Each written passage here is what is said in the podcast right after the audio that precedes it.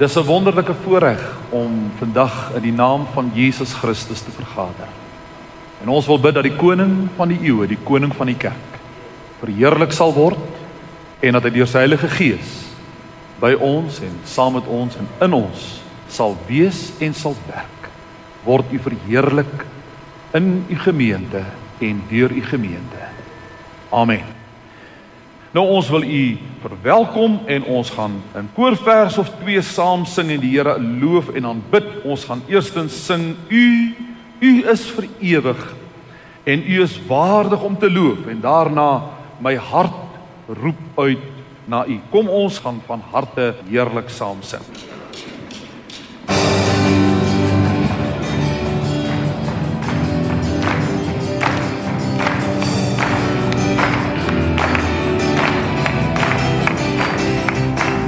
Is vernietig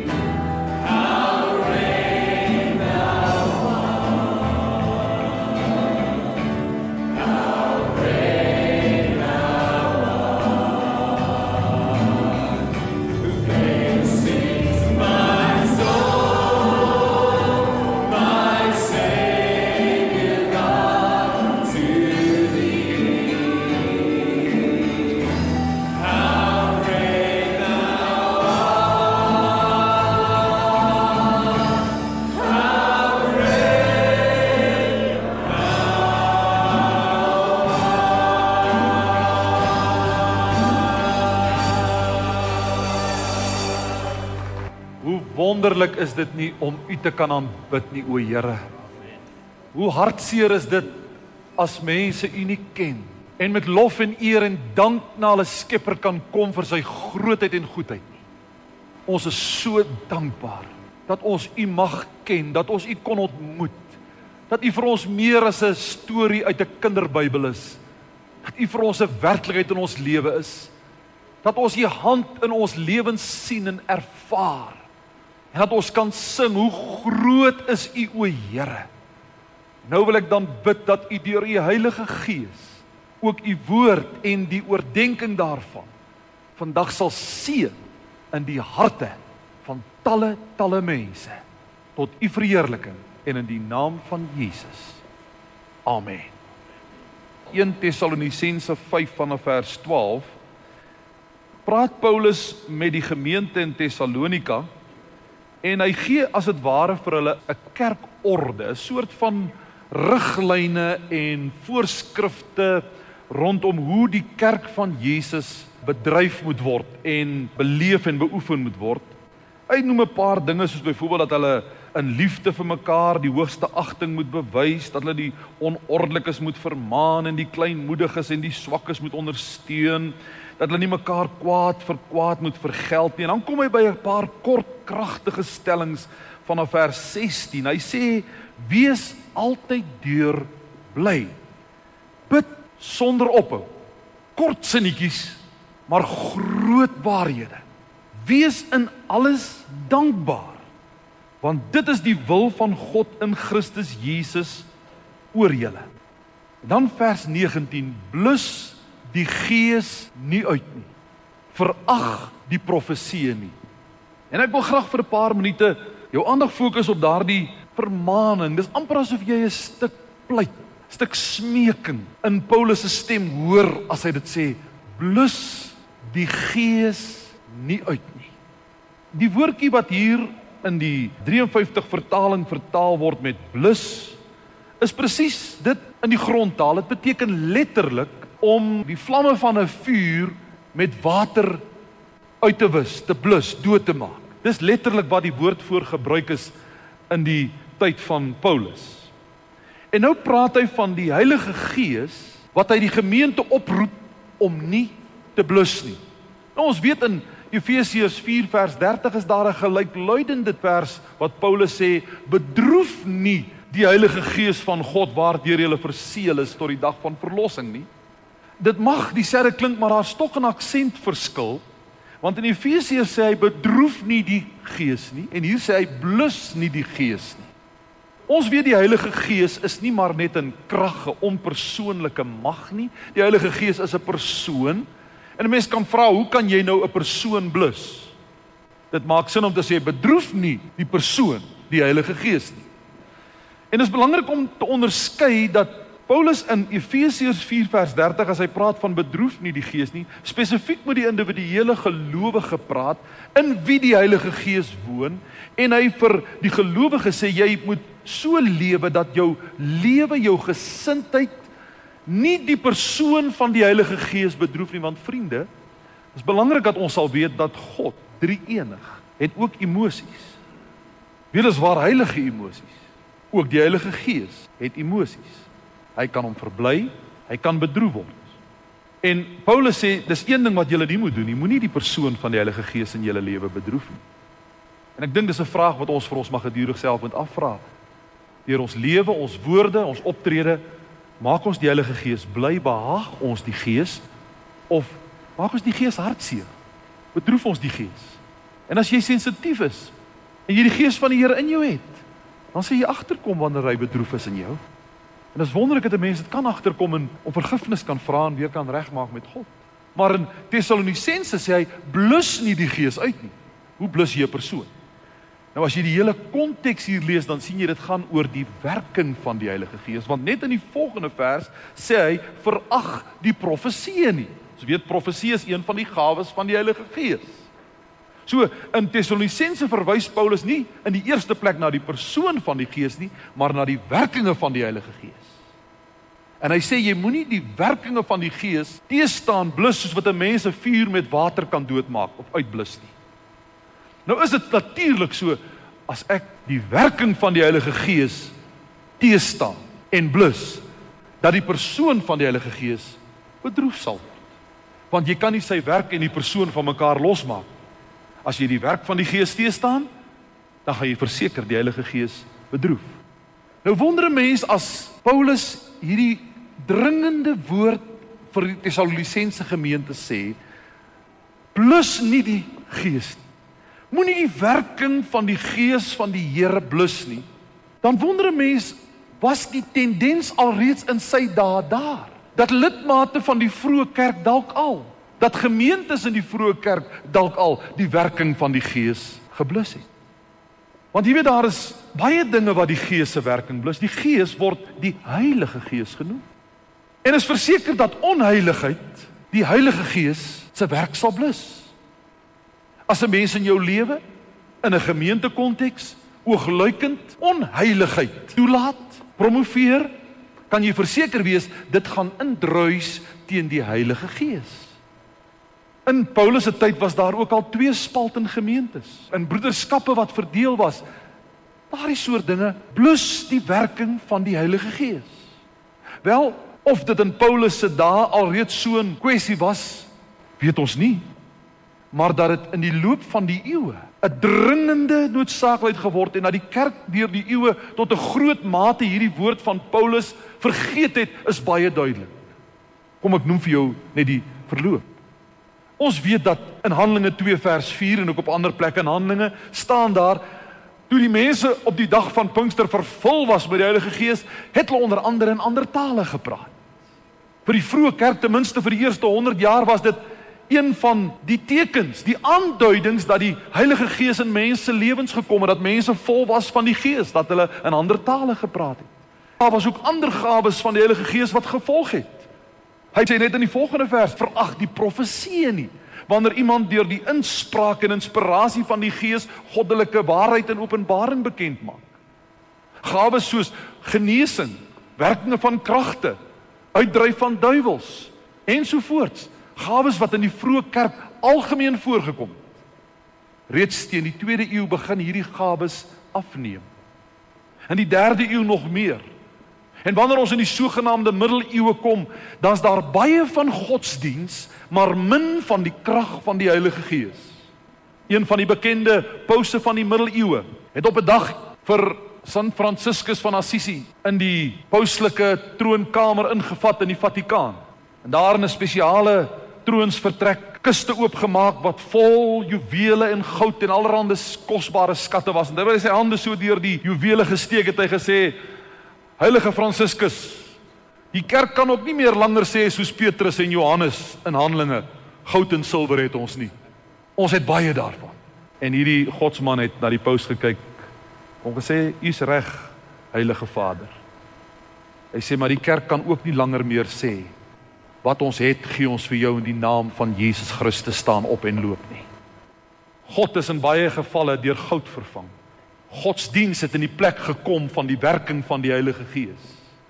Daar was baie van rituele en seremonies en katedrale en godsdienstbedrywighede, maar van die krag en die werking van die Heilige Gees het daar in die middeleeue min oorgebly. Dis die hartseer verhaal van die geskiedenis. Dat alhoewel die persoon van die Heilige Gees steeds genoem is in die geloofsbelijdenisse, is daar van sy werking weinig sprake gewees. En is interessant as jy na die oudste geloofsbelijdenisse van die kerk kyk, word daar heelwat gesê oor die Vader, baie gesê oor die Seun, want daar was 'n stryd in die vroeë kerk oor die drie eenheid en oor die tweede nature van Christus, maar daar word min gesê oor die Heilige Gees. Daar word net gesê ons glo in die Heilige Gees. Dis een van die grootste tragedies van die eeue dat die werking, die vuur, die krag, die gawes van die Heilige Gees tot 'n groot mate verdwyn het en vervang is deur godsdienstige seremoniele rituele. En die kerk het 'n prys daarvoor betaal. Trouwens in die middeleeue in een van die bekendste liturgiese handboeke van die middeleeue is daar vir die priesters sekere aanduidings gegee as hulle nou duiwels besweer want jy weet wat ook ons maniere gehad hoe hulle duiwels besweer het.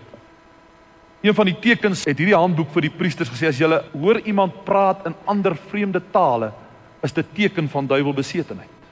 Nou wonder 'n mens in die vroeë kerk het die apostels wanneer hulle iemand gehoor in ander tale praat soos in Handelinge 10 met Kornelius was dit vir hulle teken hierdie mense is vervul met die Heilige Gees. Maar in die middeleeue vir 'n kerk wat verwater het en wat die krag van die Gees nie meer geken het nie, wat die vuur van die Gees geblus het, het die spreuke in tale en ander gawes tekenend geword van duiwelbesetenheid of van 'n klomp sielkundige afwykende mense. Maar dank God, daardie era is verby. Op die 1 Januarie 1901 in Topeka, Kansas, is die Heilige Gees uitgestort weer eens op 'n klomp studente. Enkele jare later, in April 1906, daar in Azusa Straat in Los Angeles, het 'n magtige herlewing begin wat in 'n kort tydjie die hele wêreld deurgegaan het.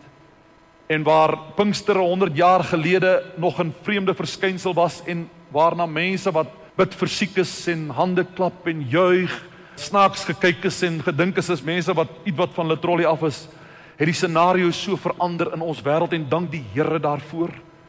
Vandag is daar volgens die jongste statistieke 625 miljoen mense op aarde wat kan getuig dat hulle vervul is met die Heilige Gees. In ons eie land is dit nie net die Pinkster charismatiese kerke wat in ons daar iets van die werking van die Heilige Gees beleef nie. En ek wil dit vir my broers en susters in die Pinkster beweging sê, Ons het nie kopiereg op die werking van die Gees nie. Ons het nie 'n veto reg op die werking van die Gees nie. God gee sy Gees en hy laat sy Gees werk waar daar ook al vir hom ruimte gemaak word. En dis my wonderlike ervaring die laaste 10, 15 jaar waar ek rondbedien in baie kerke van verskillende denominasies. Dat selfs in kerke wat tradisioneel nie Pinkster was nie en wat nie ruimte gehad het daarvoor nie, dat daar die afgelope aantal jare openheid gekom het en waar daar gebed opgaan uit gemeentes en sê kom o Heilige Gees, kom weer en vernuwe u kerk soos wat u gedoen het in die tyd van Handelinge. En is vandag vir my 'n groot vreugde dat die vuur van die Heilige Gees wyd brand buitekant die mure en die grense van die Pinksterkerk, die tradisionele Pinksterkerk. Dat tradisionele historiese ander kerke vandag iets kan beleef van die verskil wat die Heilige Gees maak. En wêreldwyd waar daar herlewing is. As jy byvoorbeeld dink in China waar gemiddeld 28000 mense per dag tot bekering kom. Is die meeste van hierdie mense ook mense wat die vervulling met die Gees ervaar en en wat deel is van die Pinksterbeweging. Dis nie meer, ek sê weer, die eksklusiewe eiendom van 'n sekere denominasie of denominasies nie. God het sy gees uitgegiet op alle vlees en reg oor alle kerkgrense heen vat mense hande en sê ons erken nie net die persoon van die gees nie, maar ons erken die werking van die gees. Is daar verskillende openbaringe van die gees, nie net deur die wedergeboorte van sondaars nie, maar ook deur verskillende gawes van die gees. Siek mense word voor gebid en hulle word gesond. Jy hoor van wonderwerke, jy hoor van die ingrype van God, jy hoor van openbarings en profetiese woorde. Die gees van die Here werk vandag meer as ooit vantevore. En ek glo ons gaan nie weer 'n herhaling hê wat ons in die vroeë kerk gehad het dat na 100 jaar of wat die gawes van die Gees afgeneem het nie. Pinkster is nou 100 jaar in hierdie wêreld. Maar die Here sal nie weer toelaat die wederkoms van die Here is te naby. Dat God sal toelaat dat die werking van sy Gees weer geblus word. As die Pinksterbeweging dit nie opnuut weer koester en vier en vashou en en God daarvoor dank en dit beleef nie. Daar is genoeg mense reg oor die kerkspektrum wat honger is na God en wat iets van die Heilige Gees gesmaak het. Ek wil afsluit. Die teenoorgestelde van blus is om aan te wakker. En dis wonderlik dat in 2 Timoteus 1 vers 6 Paulus presies hierdie woorde vir sy geestelike kind Timoteus sê. Hy sê vir hom in 2 Timoteus 1 vers 6 hierdie woorde en en luister net daarna. Hy sê om hierdie rede herinner ek jou daaraan om die genadegawe van God aan te wakker wat in jou is deur die oplegging van my hande. Hoor wat sê hy? Ek herinner jou daaraan om die genadegawe, die charisma, die gawe van die Heilige Gees in jou om dit aan te wakker en die woord in die grondtaal beteken daar letterlik om 'n vuur wat effens bietjie kwyn met 'n blaasbalk weer aan te blaas dat sy vlamme weer kan opvlam. Hoor mooi, die vuur van die Heilige Gees. Dit kan God alleen gee. Daar is dinge soos valse vuur. Ons het in die kerk oor die jare geleer dat daar ook baie keer valse vuur op die altaar van die Here kom. Nabootsings. Kunsmatige manipulasies. Ons soek dit nie. Wat ons soek is die egte die vuur van die Heilige Gees. Maar die wonderlike ding is dat Paulus sê hierdie vuur wat die Gees alleen kan gee. Ons kan een van twee dinge daarmee doen, kerk. Ons kan dit of blus of ons kan dit soos met 'n blaasbalk aanblaas, aanwakker. Dis eintlik 'n skrikwekkende realiteit. En ek sê dit vanmôre net vir hierdie gemeente en ek sê dit aan elke gelowige broer en suster reg oor ons land. Maak nie saak van watter kerklike agtergrond jy is nie. Dis skrikwekkende waarheid om te weet.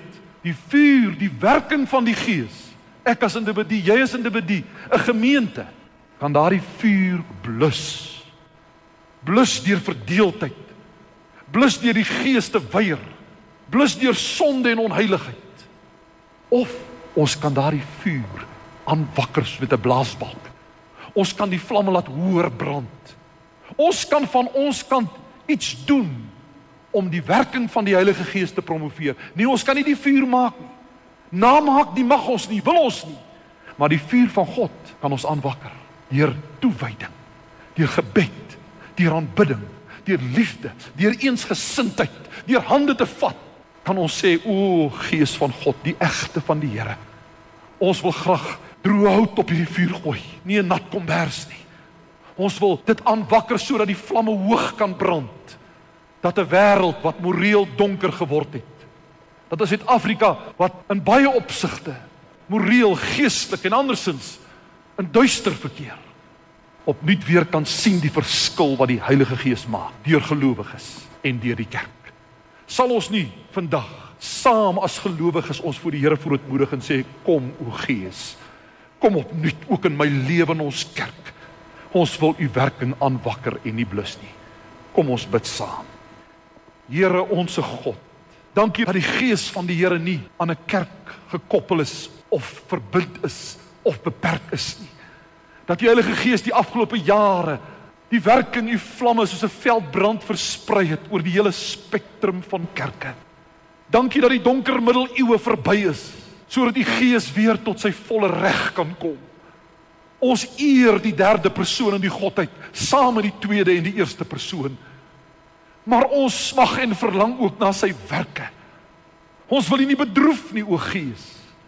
Maar ons wil U werking aanwakker in ons lewens en ons gemeentes. En my oproep uit my hart uit na die hemele vanmôre is vir alle kerke in Suid-Afrika. Here, as die Suid-Afrikaanse gemeenskap ooit 'n geesvervulde kerk nodig gehad het, is dit in ons dae.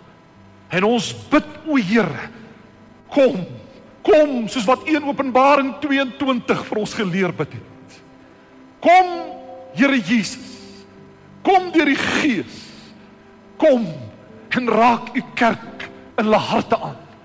En laat die gawes van die Gees kragtig en eg en wonderlik reg deur ons land opereer sodat Jesus verheerlik kan word en die koninkryk uitgebrei kan word. Ons bid dit in u wonderlike naam, Jesus, die Here, die Doper in die Gees. Amen. Ons gaan 'n slotlied saam sing. Kom ons sing uit die diepste van ons hart. Halleluja.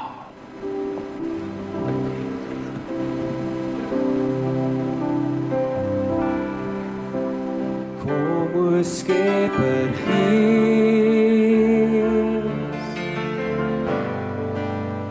Lewend makend Gees